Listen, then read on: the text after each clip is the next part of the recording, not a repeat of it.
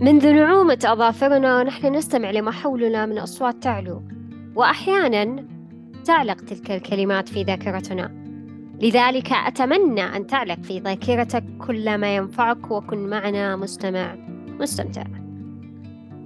هذا بودكاست 40 دقيقة نستضيف فيه شخصيات تحدثنا عما في جوفها من معرفة وعلوم مختلفة. واليوم نستضيف شخصية استشارية طب أسرة لذلك دعونا نتعرف معها عن موضوع الوعي الصحي في رمضان. أهلا أهلا أستاذة علا. حياك الله. أهلا وسهلا. شكرا جزيلا لاستضافتي في هذا البودكاست وأنا ممتنة لك. الله يعطيك العافية. وأنا كذلك. طيب دكتورة عرف المستمعين عن نفسك؟ أنا اسمي علا بابلي. أنا اسمي علا محمود بابلي. أنا استشارية طب أسرة وسكري. أيضا عندي تخصص في الجودة وأعمل في التدريب في المجال الصحي آه، مع الأكاديمية السعودية لطب الأسرة في تجمع الصحي الثاني مدينة الملك فهد الطبية. عندي تخصص بسيط في الإقلاع عن التدخين آه، حاليا أعمل في التجمع الصحي الثاني مركز صحي الورود. ما شاء الله تبارك الله. الله يزيدك من فضله ما شاء الله. الله يجزيك الخير آه، بما أننا حنا يعني الآن مقبلين على شهر رمضان المبارك حابين نعرف ما هو الوعي الصحي. طيب الوعي الصحي هو طبعا دائما إحنا نسمع الوعي الصحي ولازم يكون الوعي الصحي عالي عندك والكلام هذا. ببساطة إيش هو الوعي الصحي؟ الوعي الصحي هو المعرفة الصحيحة. أن يكون عندي معرفة صحيحة تساعدني في الحفاظ على صحتي والوقاية من الأمراض والاستطباب الصحيح. يعني بمعنى إذا لا سمح الله صار عندي مرض كيف أتعالج منه؟ كيف أقي نفسي من هذا المرض؟ وكيف أستمر وأستديم بصحة وعافية. هذا هو الوعي الصحي إذا تمحور حول تقريبا ثلاثة أسئلة. كيف أتعالج؟ كيف أقي نفسي؟ وكذلك السؤال الثالث أعتقد؟ كيف أحافظ على صحتي الموجودة؟ إذا يعني حلو. بغض النظر أنا أنا إيش هو مستوى الصحة اللي عندي الآن؟ يعني نفترض أن الإنسان مثلا لا سمح الله عنده إعاقة مثلا ما يقدر يمشي. ما أقدر أقول له والله لا إلا الوعي الصحي إنه يخليك تمشي. لا أحافظ على المستوى اللي أنا فيه ما يتدهور صحتي أكثر أها حلو.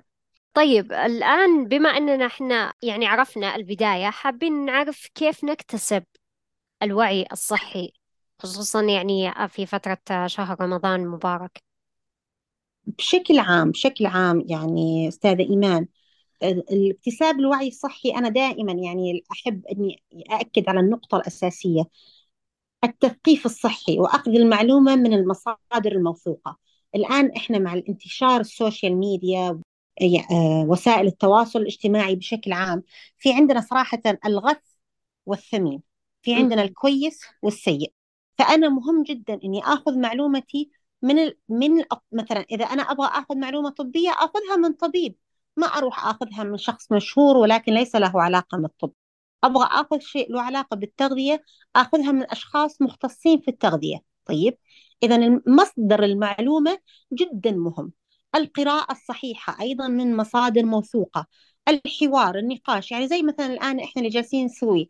هذا الشيء مصدر جيد بإذن الله لأخذ المعلومة. إذا أهم نقطة اللي أوصي فيها مصدر المعلومة. إيش المعلومة اللي أنت تبغاها؟ تحرى عن المصدر إنه يكون صحيح. طيب حلو. تذكرين لنا مصادر معلومات متواجدة يعني في بالك في الوقت الحالي؟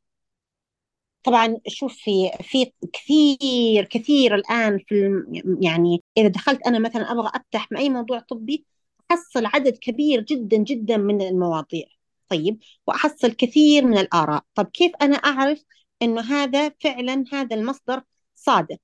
طيب في في مصادر يعني معروف إنه المسؤول عنها طبيب. مثلا في عندك مثلا مايو كلينيك مايو كلينيك حتى في العربي تنزل. عندك وزارة الصحة موقع وزارة الصحة السعودية تنزل دائما مواضيع ونشرات ما تنزل إلا ومشرف عليها ناس بدقة شديدة جدا جدا. طيب في عندنا يعني للأسف حقيقة المصادر الأجنبية الغير عربية أكثر من المصادر العربية ولكن حتى المصادر العربية وزارة الصحة. طيب في بعض يعني مهم جدا أول شيء أتأكد من المشرف على هذه الصفحة. مين اللي جالس يجاوب هذه الأسئلة؟ هل هو شخص متخصص ولا شخص من العامة؟ طيب في عندنا وزارة الصحة لها جدا مواقع جميلة. في عندنا تسعة ثلاثة سبعة. تسعة ثلاثة سبعة هو خط ساخن لوزارة الصحة. أي سؤال طبي يستطيع الإنسان الاتصال فيهم ويردوا عليه. إذا قدروا يجاوبوه يجاوبوه. إذا ما قدروا يجاوبوه يوجهوه كيف يتصرف. هذا من الناحية الطبية. من ناحية الوعي صراحة المصادر كثيرة ولكن أرجع أكد التأكد من المصادر من من صحة المصادر. مهم. حلو. طيب بما أننا إحنا الآن يعني تثقفنا آه، بشكل صحي وعرفنا هذه المعلومات من مصادرها الصحيحة مثلا عندك آه، وزارة الصحة مثلا السعودية أو كذلك ماي كلينيك أو بعض ال- المصادر مثلا الأجنبية. الآن حنا حابين نعرف كيف يتم تطبيق آه، الوعي الصحي بالنسبة للشخص أنت الآن جيتي على نقطة جدا مهمة. إحنا أول شيء المعرفة أول شيء الحاجة للمعرفة. أنا عشان أقدر أسوي أي شيء أو أنجز أو أتغير أول نقطة هي الحاجة للمعرفة. أنا عندي حاجة للمعرفة. بعدين أبدأ يصير في أبدأ أبحث. ويصير في عندي معرفة. النقطة الثالثة إني كيف أطبق زي ما تفضلتي أطبق هذه المعرفة اللي تعرفت عليها. يعني أنا مثلا أعرف إنه المشي مفيد. طيب كيف أمشي؟ كيف طريقة المشي؟ كيف تط- تطبيق المشي؟ إذا هنا يجي دور أي شيء تعلمته كيف فعلا أطبقه على حياتي بشكل صحيح. إحنا مشكلتنا بشكل عام كبشر نتحمس كثير للفكرة نتحمس ك... نتحمس لأي شيء جديد نتحمس للتغيير. فإيش نبتدي؟ إيمان نبتدي بحماس شديد. يعني مثلا واحد يبغى ينزل وزنه مثلا. يروح فجأة يسجل في نادي ويروح على النادي أول يوم ساعتين. ثاني يوم ساعتين. ثالث يوم حيكون ميت. عضلاته تتعبه وتألم وما هو قادر. ثالث يوم ما يروح. خلاص. إذا التطبيق الوعي في التطبيق مهم. إني أطبق الأمور التي تعلمتها بشكل تدريجي إلى أن أتعود عليها. مثلا أنا تعلمت إنه المشي والنمط الصحي النشيط هو مهم وهو أساس الصحة. يجب أني أبدأ أطبقه تدريجيا. أبدأ خمس دقائق أمشي مشي سريع بحيث أنه تتسارع نبضات القلب. بعدين أزودها عشر دقائق بعدين أزودها ربع ساعة بعدين أخليها نصف ساعة يوميا. طيب؟ فإذا ال- التطبيق يجب أيضا أن يكون بوعي. ما تعلمته؟ كيف أني أنا أقدر أني أطبقه؟ وأغير التطبيق بما يناسب صحتي وأغير التطبيق بما يناسب يعني وضعي الصحي. مثلا خلينا نقول عن الرياضة والمشي مرة أخرى. كثير يقولوا أوه والله أنت صايم جيد جدا أنك تمشي. المشي قبل الإفطار في نص ساعة أو ساعة مرة كويس. هذا ما يصلح لكل الناس. يجب أن يكون في عندي وعي كافي من الثقافة الصحية أعرف أنه هذا الشيء يناسبني ولا ما يناسبني. يعني مثلا مريض السكر إذا كان عنده مثلا سكر مرتفع شوية أو منخفض شوية ما يصلح أنه يمشي وهو صايم؟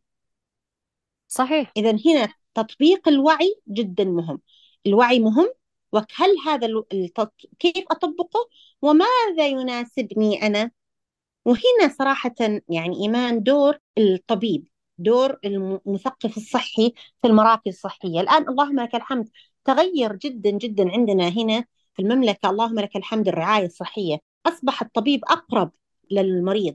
أصبح الطبيب يعني اللهم لك الحمد عندنا أطباء مؤهلين في المراكز الصحية مثقفين صحيين. يا أخي روح أقرب مركز صحي عندك. شوف إيش هو مركز الحي.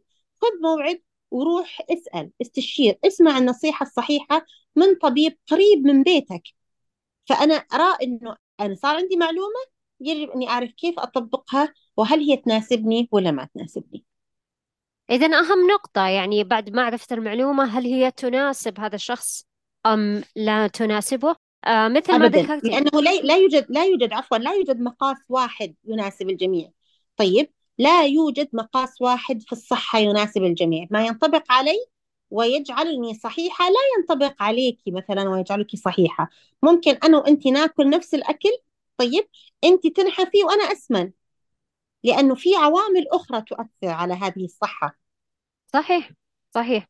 طيب الحين حنا حابين نعرف منك يا دكتورة كيف نستعد صحيا خصوصا لشهر رمضان المبارك؟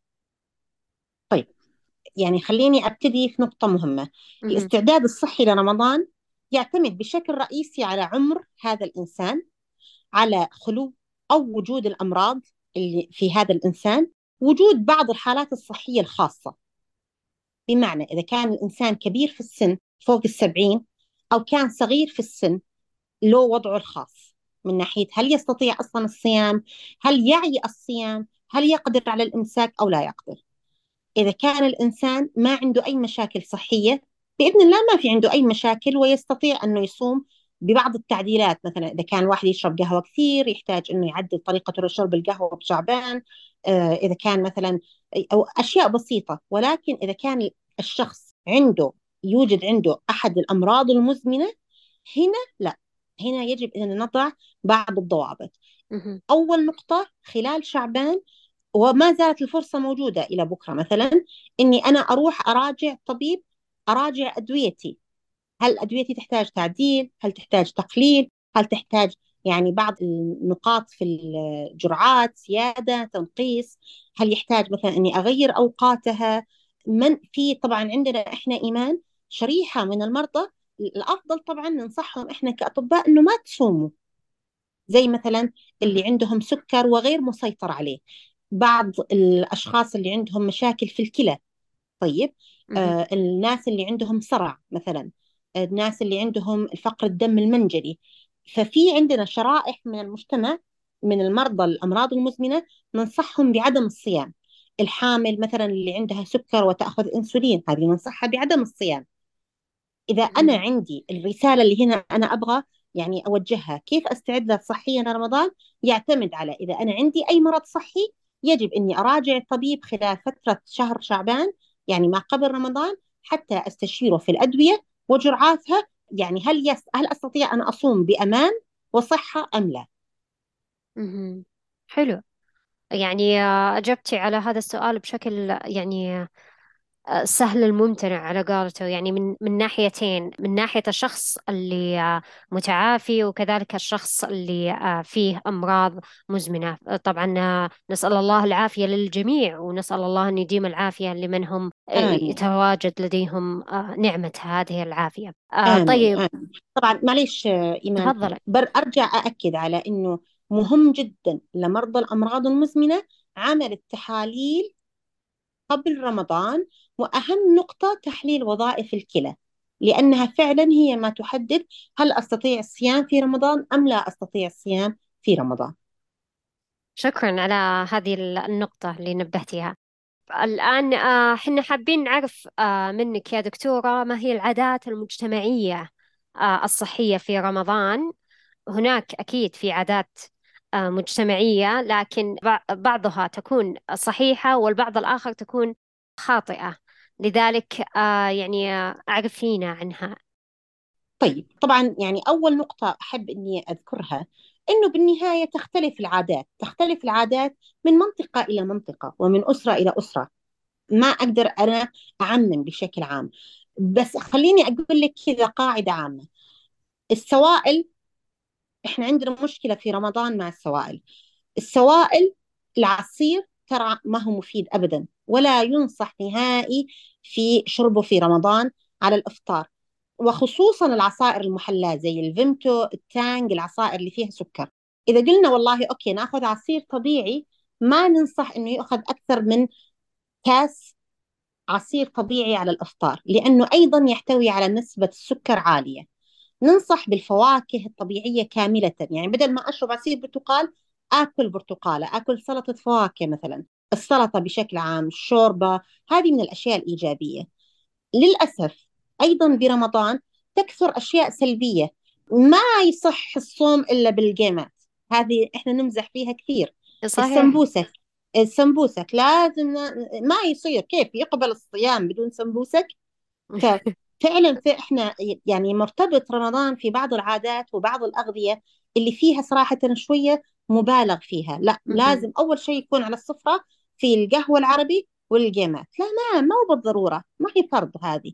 نخليها مرة واحدة في الأسبوع. أوكي أول يوم رمضان نفرح فيها وكذا وخلاص نخليها لو نبغى ناكلها مرة واحدة في الأسبوع. أيضا عندنا المقليات بشكل عام. في عندنا خيارات. بدل ما أسوي القلي ممكن أخليه بالفرن ممكن أنا عندنا القلاية الهوائية هذه اللي تقلي بدون زيت. طيب فهذه نقطة أيضا مهمة. المشكلة الثانية اللي هي الإكثار من كمية الطعام.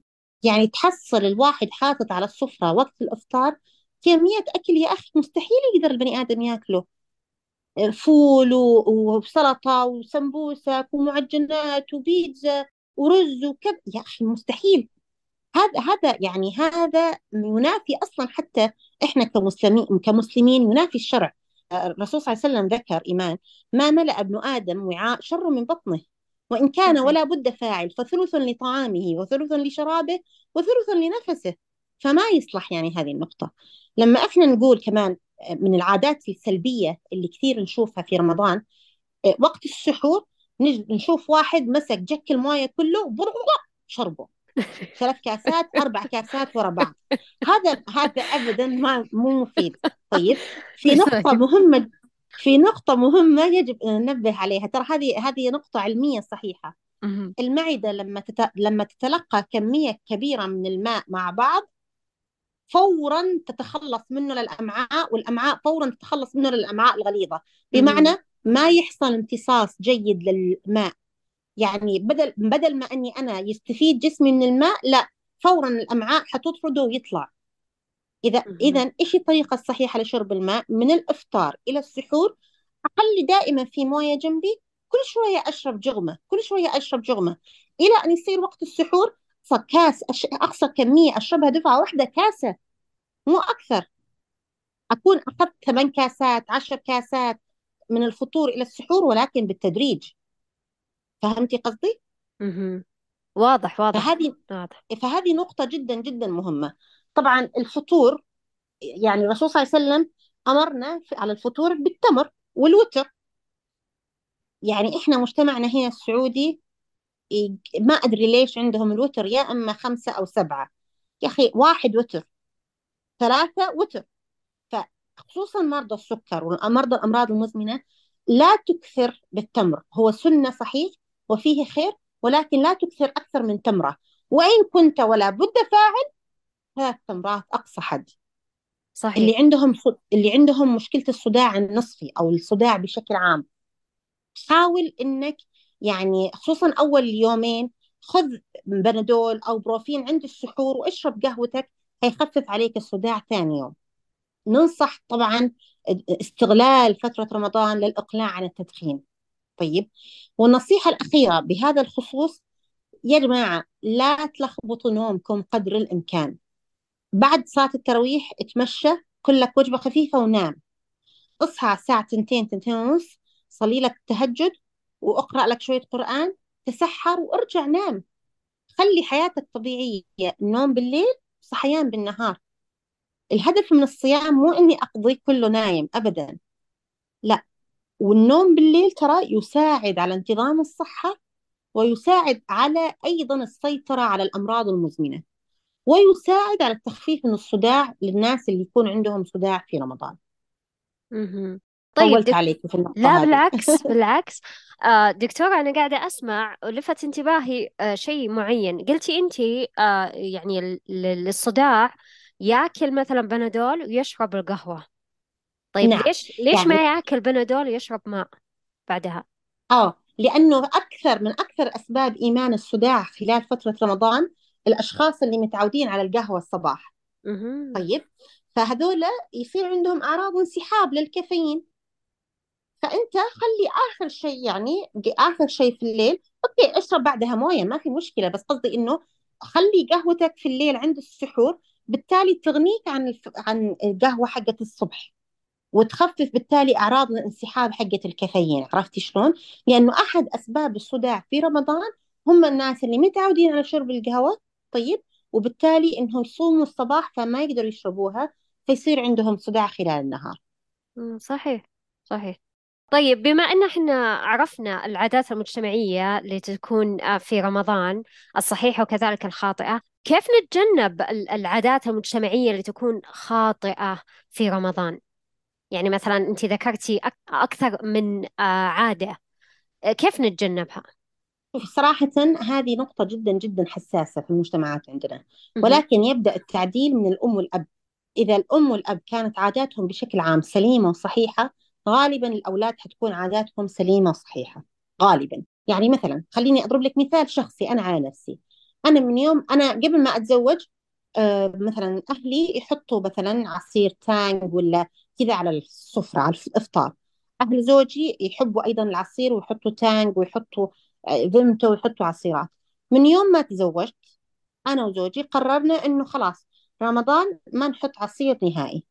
كبروا أولادي برمضان ما في على السفرة غير موية. خلاص. حتى لو طلعوا برا وشافوا أنواع مثلا في العصير خلاص هم متعودين إنه يشربوا على الإفطار في رمضان موية زيه زي أي يوم ثاني. فإذا التغيير يبدأ أساسا من الأسرة من الأم والأب. إذا عدلت الأم والأب سلوكهم من البداية والطفل نشأ على السلوك الصحيح حيستمر على هذا السلوك الصحيح. في مشكلة أخرى وهي إنه المجتمع يسوي زي كذا الأصحاب يسوي زي كذا.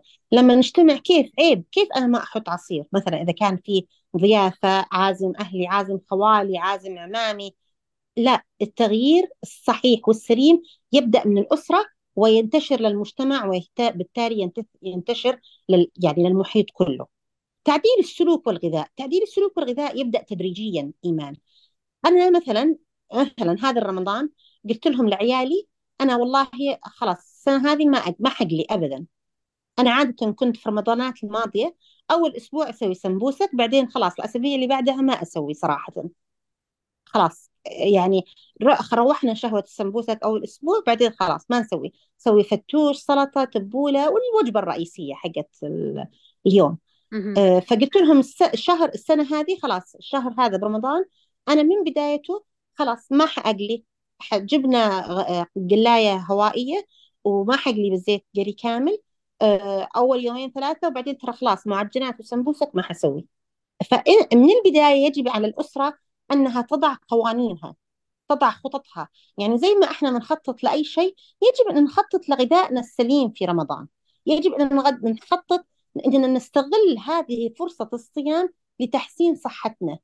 الآن إحنا بكل مكان نسمع عن أهمية الصيام المتقطع ومدى فوائد الصيام المتقطع للجسم صحيح. وتعديل السكر. صح؟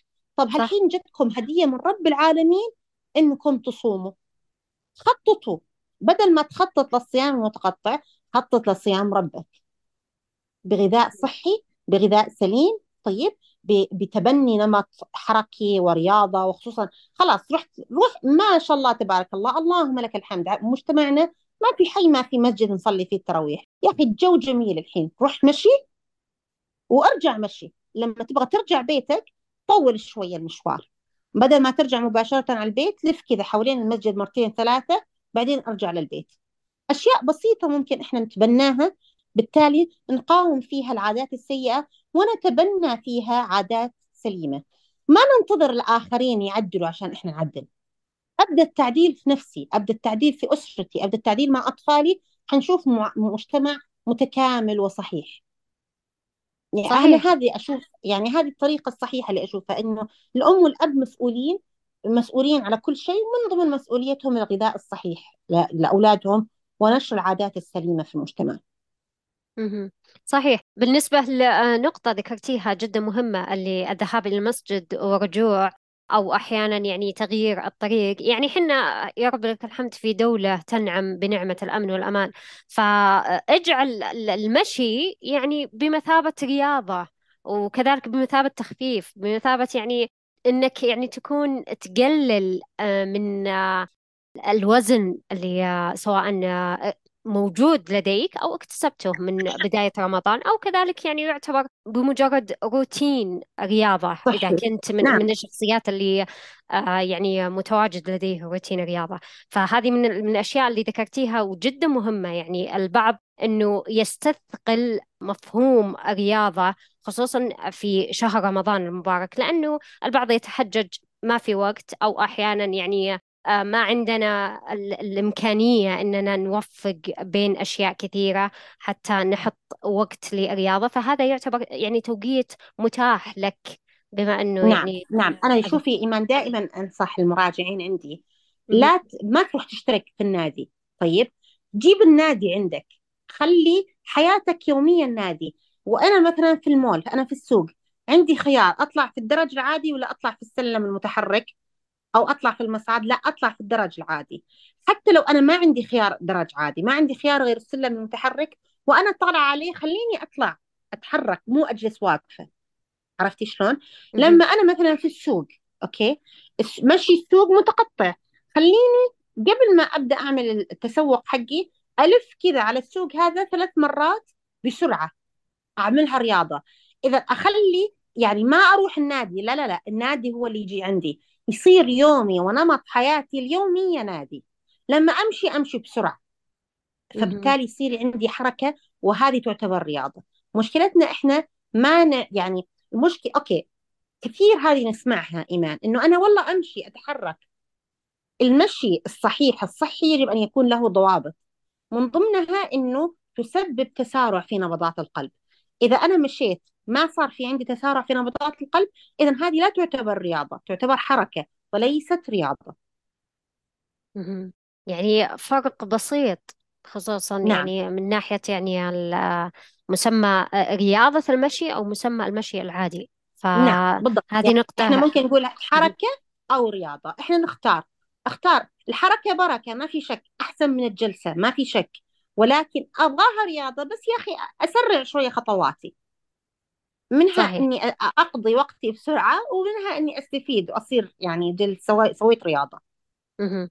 صحيح.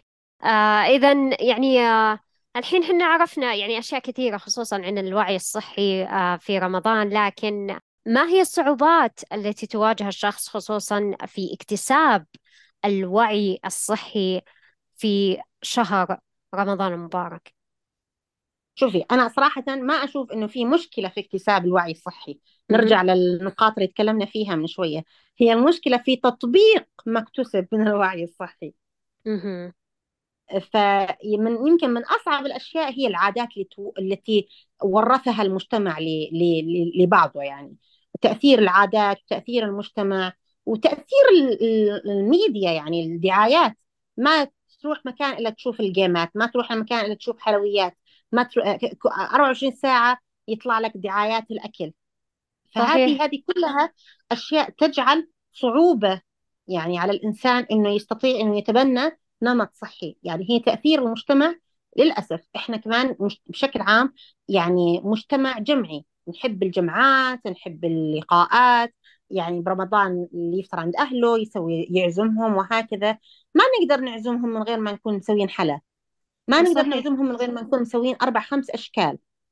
فهذه الأشياء كلها يعني تجعل صعوبة في تطبيق الوعي الذي حتى لو كان موجود ولكن آه، تجعل صعوبة. أيضا إذا كان إذا كان الإنسان يعمل يعمل يعني مم. العمل العمل الدراسة آه، عندنا الآن كثير من الشباب والشابات اللي عايشين بعيد عن أهاليهم سواء بسبب العمل أو الدراسة.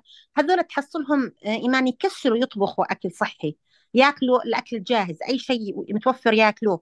آه، ما ياكلوا الأكل الصحي لأنهم مشغولين مثلا مثلا اللي عنده دوام نظام شفتات اللي وقت الإفطار بيكون في العمل. هذه كلها ممكن أشياء تخلي في يعني صعوبات للتقيد بنمط صحي أو تبني نمط صحي صحيح. أيضا وجود بعض الأمراض يعني معرض الأمراض الصحية آه، ممكن تخلينا إني مثلا واحد مثلا كثير من الناس نقول لهم يعني مهم إنك تتحرك مهم إنك تمشي تعمل رياضة. قل والله أنا ما أقدر أتحرك لأنه عندي آلام شديدة ومشاكل في الركب مثلا. اللي يقول لك والله أنا ما أقدر أمشي لأنه عندي آه، مشك- مشكلة مثلا في القلب مثلا أو عندي كتمة أو عندي. فإذا أيضا وجود بعض الأمراض ممكن تخلي الواحد يعني ما يقدر يطبق ال- الوعي الصحي الصحيح اللي هو تعلمه وي- ويجعله على أرض الواقع. لكن كيف أعتقد نتغلب عفوا كيف نتغلب على هذه النقاط كلها إيمان بالتخطيط؟ إني صحيح. أخطط يعني إني أخطط إني اخط يعني مثلا أنا موظفة أو موظف أنا طالب عايش بعيد عن أهلي خصوصا الآن إنه في برمضان حيكون في دراسة طيب أرتب وجبتي يعني بال weekend أرتب وجبات الأسبوع كله. طيب أسوي أشياء صحية وأحطها في الثلاجه وأصير بس أسخنها أحميها لما أرجع من الشغل.